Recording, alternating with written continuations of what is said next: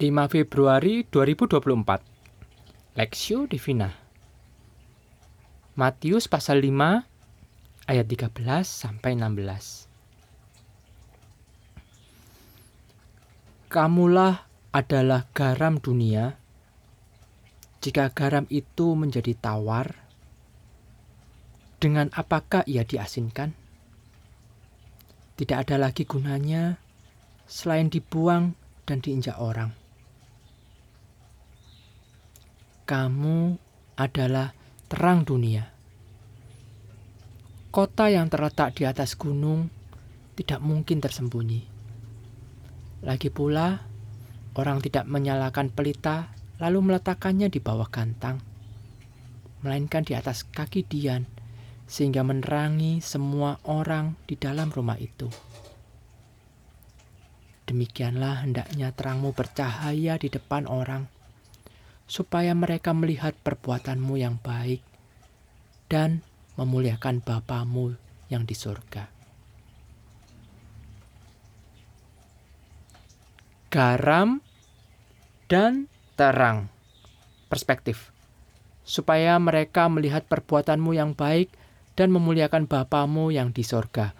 Matius pasal 5 ayat 16.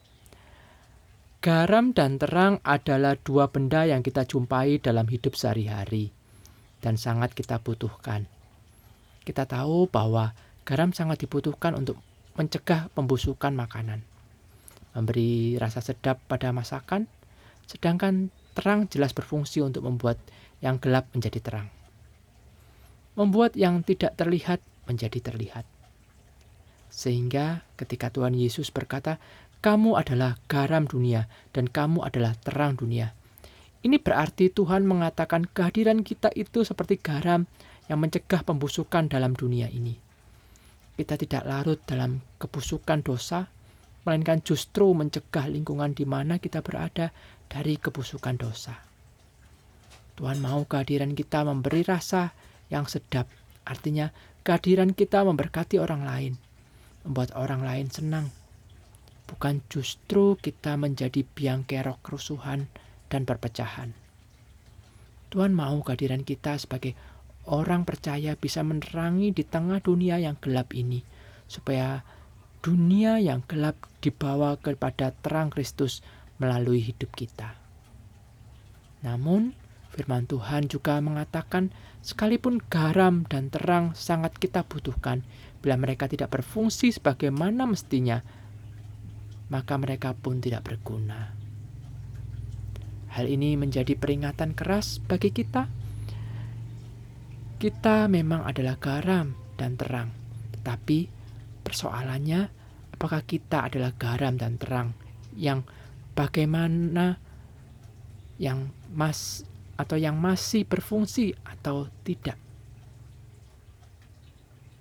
Karena jika garam itu tawar, jika terang itu tidak lagi bersinar sehingga tidak terlihat, maka keduanya pun tidak ada gunanya selain dibuang. Renungkanlah, kita adalah garam dan terang. Yang bagaimana? Apakah kehadiran kita mencegah pembusukan dosa dalam lingkungan atau kita larut dalam dosa? Apakah kehadiran kita membawa terang yang mengenyahkan kegelapan atau kita larut dalam perbuatan gelap. Firman Tuhan, bila garam dan terang tidak lagi berfungsi sebagaimana mestinya, maka ia tidak berguna selain dibuang dan diinjak orang.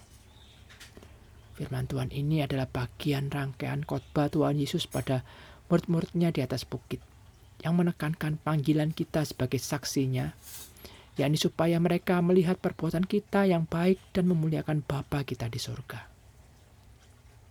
Adakah orang melihat kita dan kemudian memuliakan Bapa kita di surga? Studi pribadi, bagaimanakah kita memakai peran kita sebagai garam dan terang dunia dalam hidup sehari-hari di tengah keluarga kita maupun dalam masyarakat?